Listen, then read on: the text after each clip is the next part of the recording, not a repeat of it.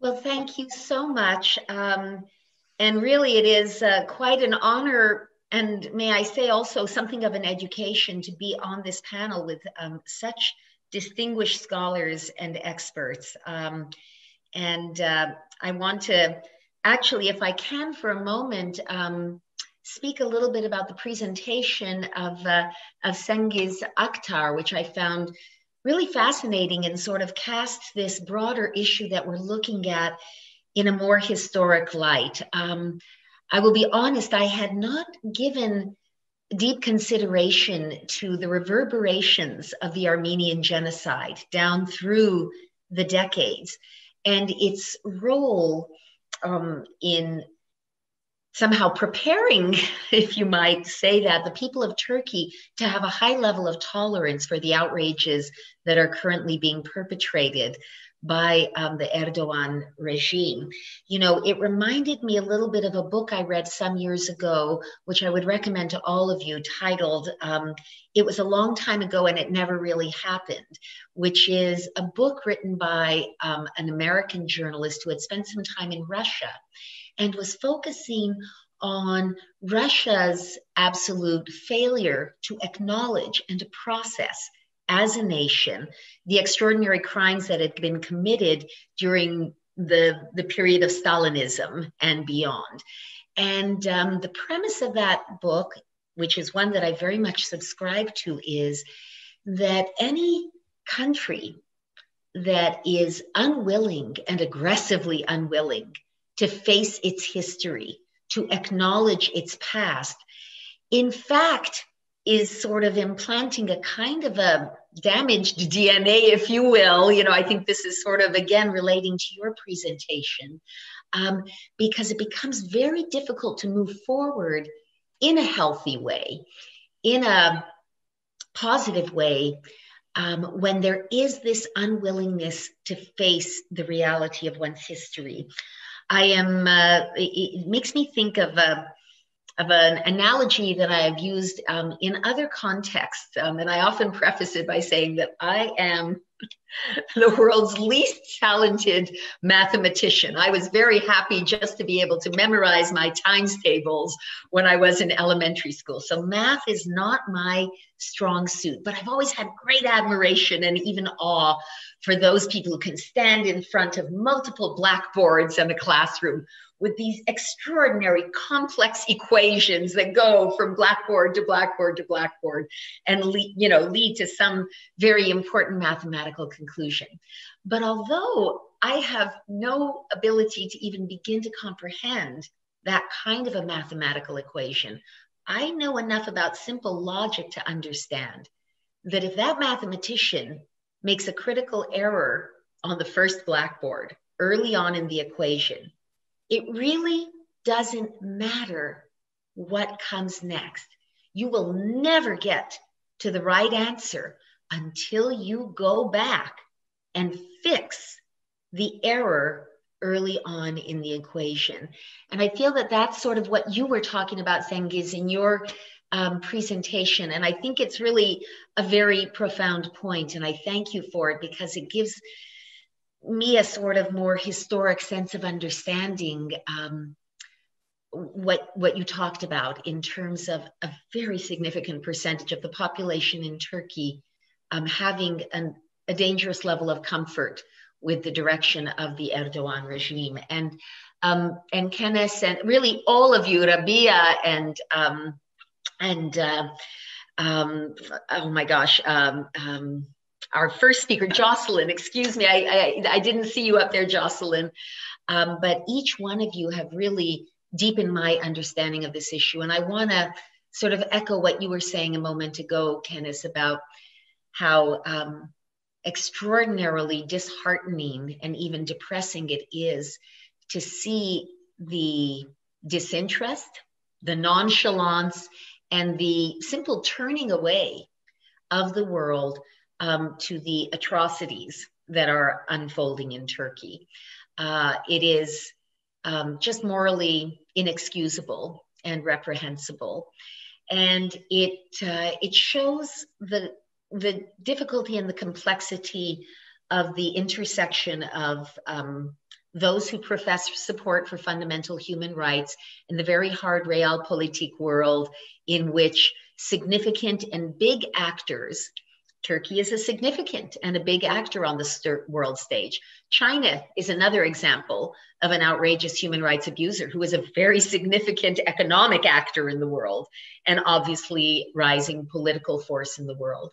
Um, and uh, the tendency that we have, and when I say we, I'm talking about the United States, to um, give a pass to to outrages um, when they are taking place in countries where we have understandable, understandably, we have a, a, a wide range of interests and, and needs and political demands. It is still something that I find very deeply disturbing.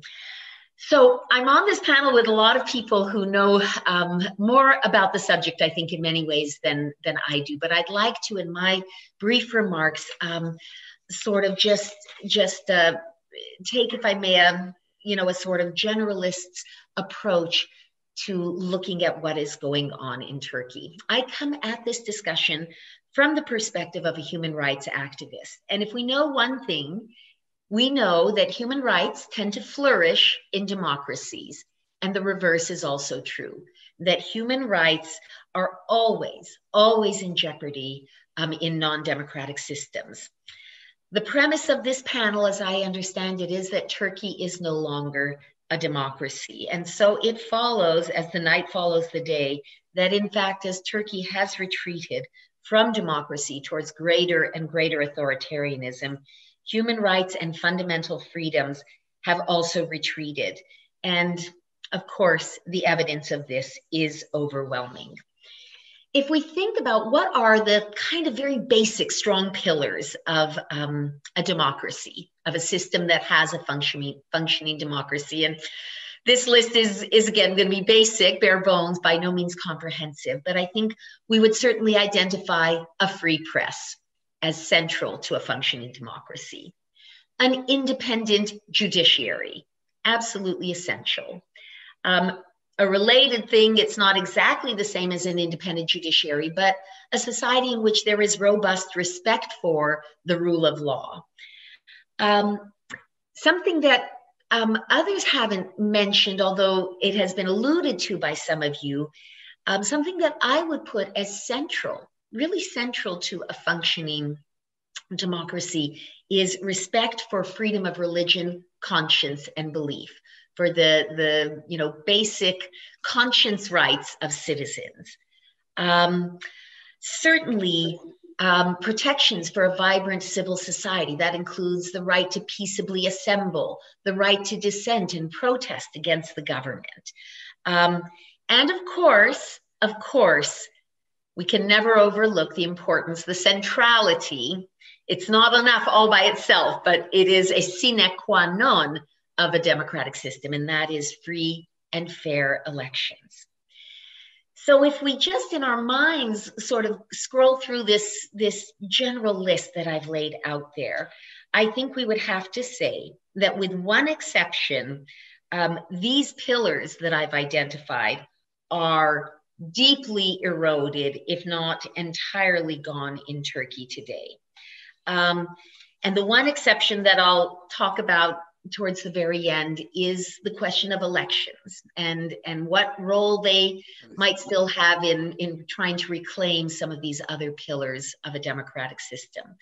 So let's just very very briefly look and i know um, just glancing at my watch that uh, that it's your hope alone to have plenty of time for questions. So i'll keep uh, the rest of my remarks fairly brief. But you know i started out mentioning a free press. Well you all know, and I hope our audience also knows, um, that uh, under Erdogan, and certainly since the coup, we have seen an all out assault on independent media. Um, huge numbers of media organizations have been shut down or taken over. Um, enormous numbers of journalists, um, Turkish journalists and media workers, have been imprisoned um, and, in many cases, sentenced to serve long periods in prison, basically basically for the crime of being journalists, for the crime of doing their jobs as journalists. Um, they've been charged under the dangerously, endlessly elastic anti terrorism laws. And of course, the way Turkey is using anti terrorism laws, anything that the government seeks to construe as terrorism can be sort of encompassed and drawn in. Um, and the way in which these laws are being used against the, the free media in, in Turkey is it's being used as a form of state repression and revenge and um, has instituted a kind of anti free press terror of its own.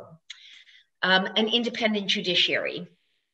Following the failed coup in July of 2016, vast numbers of judges, prosecutors, law enforcement personnel were detained, were fired, were investigated. Many of them have been charged and um, imprisoned.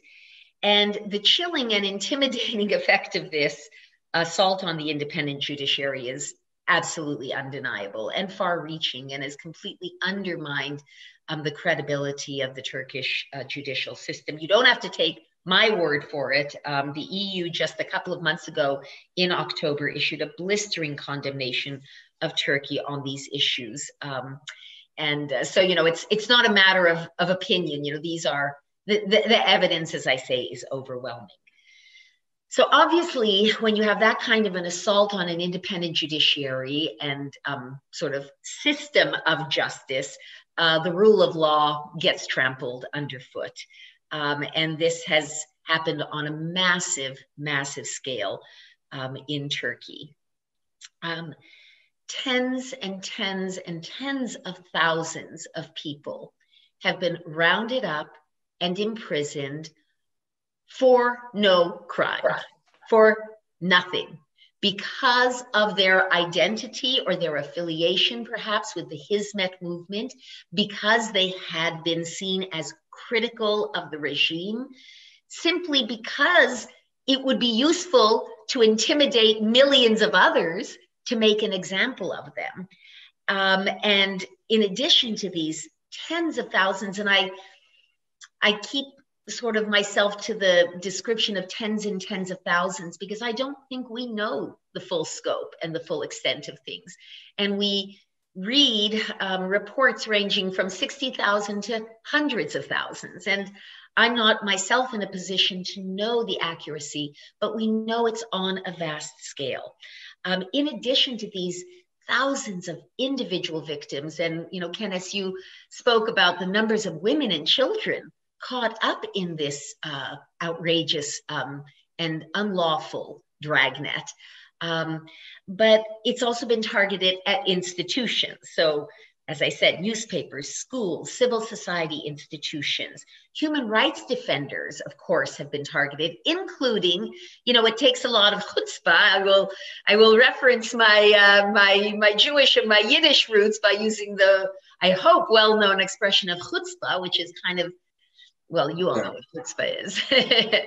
um, but you know, they have even had the chutzpah to um, to go after the Turkish chair of Amnesty International. So, you know, and and again, when we see an authoritarian regime and an authoritarian leader like Erdogan specifically target people who you think would have a degree of protection. You know, you would think, well, gosh, Amnesty International, a highly respected long established, well known global human rights institution. They're not going to go after him.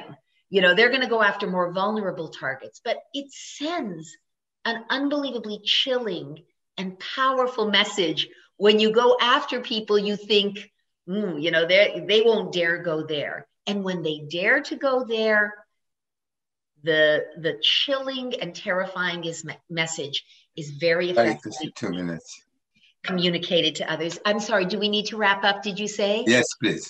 Okay. Um, so, you know, the uh, abandonment of rule of law. Um, I mentioned respect for freedom of religion and belief.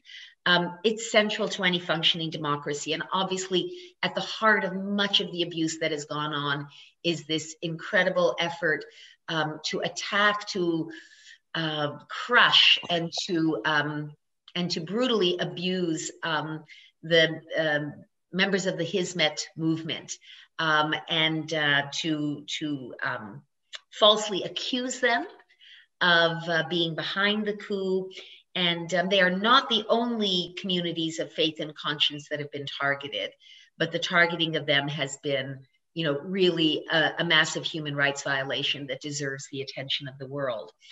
Um, talked about assembly, uh, the um, bans we've seen on um, the blanket bans on assemblies we've seen in cities around the country, police violently suppressing peaceful demonstrations. So let me quickly turn to what I think might be the one glimmer of hope in what is a very bleak landscape, and that is the issue of elections. Um, as we know, in the summer of 2019, Erdogan suffered what was widely, widely described as a um, as a stunning setback and really a stinging rebuke and defeat um, when his chosen candidate for mayor of Istanbul, and this was replicated in many large cities around um, Turkey, was defeated. And even after he was defeated in the first round, and they attempted to uh, overturn that in the second round election, the uh, victory of uh, of the, the, forces of democracy, if I may say so, was even stronger. So I think that this indicates that uh, that democracy, although struggling in Turkey, is not completely obliterated, and it does give us a glimmer of hope. And it says to me that the Turkish people, through the ballot, have demonstrated that they are not prepared um, to completely submit to the crushing of their democracy. And so I take a little bit of hope from that. And I also hope that in the new administration, we'll see a greater commitment to um, holding Erdogan accountable for the massive human rights abuses that have taken place under his regime.